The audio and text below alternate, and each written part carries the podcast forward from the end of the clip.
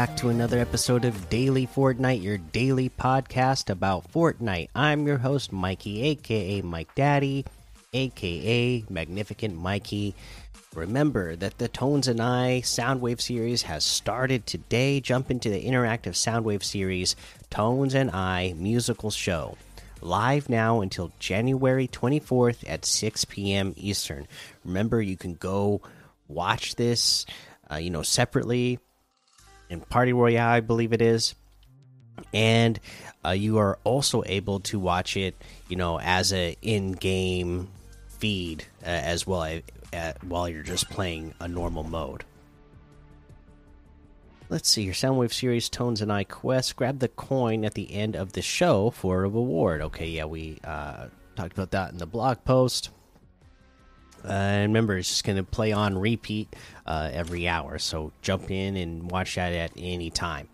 Uh, now, let's see here. The uh, piece of news I wanted to cover today is the creative update, of course, from 19.10. So let's go ahead and get into this. Fortnite Creative version 19.10 update. The version 19.10 update is starting the year off with some big new features, including many community requested features the real time clock, map scoreboard, creative name tags, creature manager all receive updates. We've also added some awesome new devices, including the prop manipulator, player counter, and the pop up dialogue device. Creators, as a reminder for the Fortnite Creative documentation site, is updated with additional details use use cases and thought starters for newly released updated devices. Note with version 19.10, we've introduced a new feature called contextual filtering. This feature hides or displays options depending on the values selected for certain related options.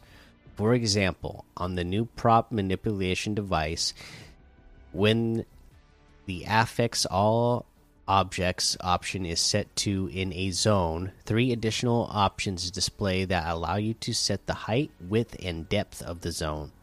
This feature is added to just a few devices in this release, but we will be adding it to other devices in future updates. This feature will reduce clutter in the customize panel and make options easier to manage and navigate. New prop manipulator device. Possibly one of the most requested features ever, this device provides the ability to manipulate the visibility and collision of props, as well as override their health values and send signals when they get damaged or destroyed. Simply attach the device to a single prop or make it into a volume to encompass any number of props, and you can toggle the visibility of those props with transmitters, as well as perform a few other nifty functions. We plan to add more features to the prop manipulator in future releases to give you even more control over your worlds. For more details, we've added the prop manipulation device to the Fortnite Creative documentation site. New Icon Library. We've added a new library of 90 icons that can be attached to various devices to add some flavor and context to your objects. These can be used to show points of interest on the map, lead players to specific areas or objects, or give context to devices like the capture area. We'll be adding new icons to the library and adding icon supports to more devices in future updates. The devices which can utilize the icon library from this release are Accolade Device, Beacons, Capture Area, Explosive Device, Map Marker, Player Counter, and Ball Spawner. We had hoped to include support for Objective Device Gallery in this initial release, but it but it proved a little more tricky than expected, so you can expect it to be added in an upcoming release in the near future. New Player Counter Device. The Player Counter Device provides two major new features to empower creators to control the flow and balance of games. It allows you to check how many players are in this specific area with optional team and class filters, compare it against a target number, and then send a signal based on whether it passes or fails the comparison. It allows a signal to be sent whenever a player joins or leaves a game in progress. There are a whole bunch of different options and subtle tweaks that make this device extremely powerful so be sure to check out the full documentation for it and spend some time experimenting to unlock its full potential. For more details, we've added the player counter device to the Fortnite Creative documentation site. We have a new pop-up dialog device. The new the pop-up dialog device allows you to display information to players in a completely new way, with up to two customizable buttons button responses and the option to use simple markup within the text. You can now create information boxes and tutorials or link dialogues or yeah, or link dialogues together to create branching choices. We plan to add more customization options to the pop up dialog device in future releases. Here are the markup codes you can currently use within the dialog, dialog text uh, to format it. Uh, CR moves the text to a new line.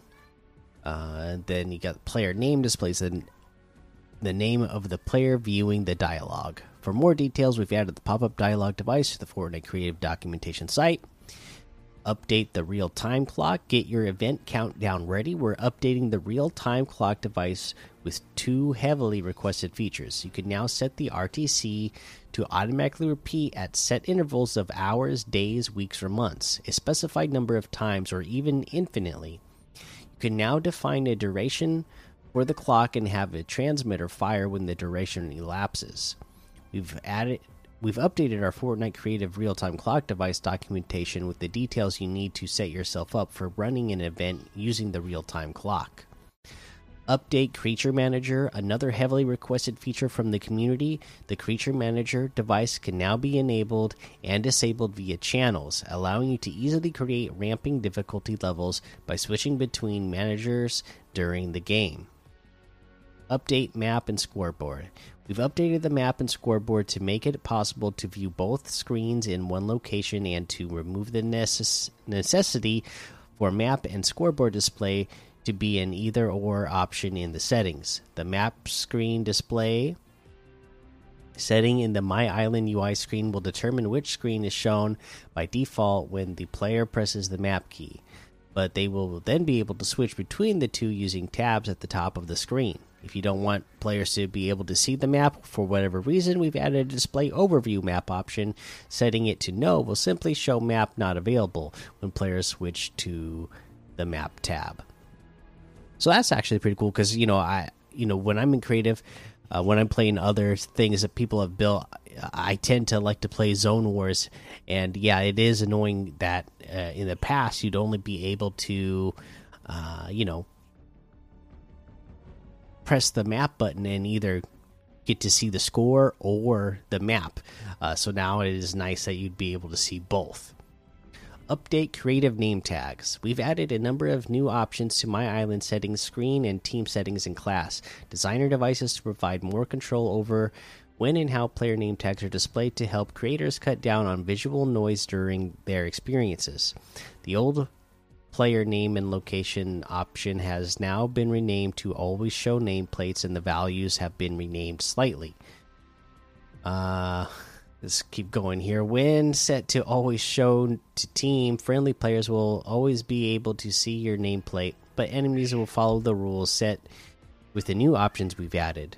When set to no, nameplates will be shown or hidden from all players based on the rules set by the new options and then they list the options here. We're not going to go over all of them. Uh, other device updates the HUD controller device, the map scoreboard button prompt can now be shown or hidden. Matchmaking portal players playing in private mode can now start the game manually before the pregame countdown has elapsed. Switch device added unlit versions of the default model and antique level lever model. VFX device added laser beam effect from Party Royale and added a new particle effect. Prefab and gallery updates. They added six new sanctuary prefabs, added seven new sanctuary galleries. Uh, and then they have prefab gallery fixes, device fixes, island fixes, gameplay fixes, and UI fixes. So it was, uh, you know, Battle Royale wasn't just a big update. It looks like, uh, you know, in general, this last update, even for creative, was a big update as well. Uh, that's the news for today. It was quite a bit, so let's uh, quickly go over some LTMs that you can play in today. Uh, don't forget the Soundwave series, Tones and I, uh, is right there in the the the Discover tab so that you can uh, play that and don't miss it. Uh, we have let's keep going. Raid gun game, ultimate murder mystery spaceship map, mm, downhill zone wars downhill river chapter three. Go goated three v three v three v three XP enabled. Pro Coin Wars Mythics, FP SPS FPS Window Wars Tycoon, and a whole lot more to be discovered in the Discover tab. Let's see here. Let's get some quests done, right? Uh, let's harvest stone from the temple, the ruins, or tumble down temple. Uh, these, this is one of those nice ones that when you uh, select, you know, if you hover over it, it'll show you exactly where these uh, locations are. One of them is just north of Daily Bugle. You know, uh, I can't remember which one they're calling this one now, but you know, if you if you're an OG Fortnite player, you would know it as Sunny Steps. So harvest stone from there. Uh, there's one way east of the Daily Bugle, or north of the. You, could also say it's north of the um, seven outpost and there's one south of the sanctuary as well that uh temple ruins there so those are your three locations. You just have to get 200 uh brick. All of these are most the location themselves are mainly made out of brick so it shouldn't be too hard to do. I would probably go to the sunny step location right next to daily bugle uh, because uh, there's uh, quite a few like little statues in there that you can hit that you can get to 200 brick even faster than uh, the other locations let's head on over to the item shop and see what it is that we have in the item shop today. All the turn up the music section is still here. The icon series are still here. Hawkeye stuff still here. And then we have the castaway jonesy outfit for 800 the envoy outfit for 800 the ink printed wrap for 500 the Sakin emote for 200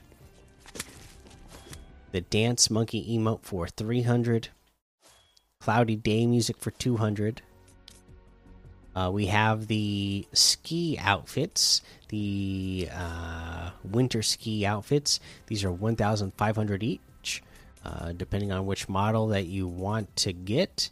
Uh, we also have the ski boot harvesting tool for 800.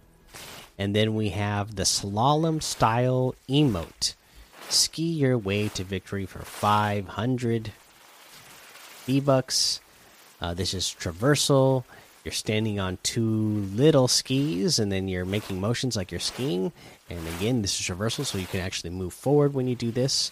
Uh, let's see here. I know let's see who does it got music by? It's got music by young thug in here uh, again the music's not going to play when i record these episodes because i turn off the licensed music so i don't get like stricken down by uh, youtube or uh, whatever other uh, people might want to come strike me down for using licensed music. But check it out for yourself.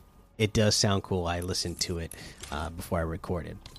Uh, that's going to be the episode today. Uh, make sure you go join the Daily Fortnite Discord and hang out with us. Follow me over on Twitch, Twitter, and YouTube. Head over to Apple Podcasts.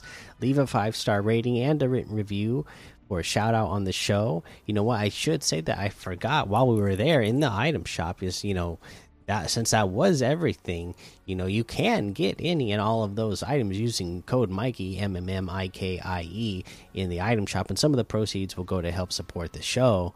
And uh, also, uh, now that the show is over, uh, till next time, have fun, be safe, and don't get lost in the storm.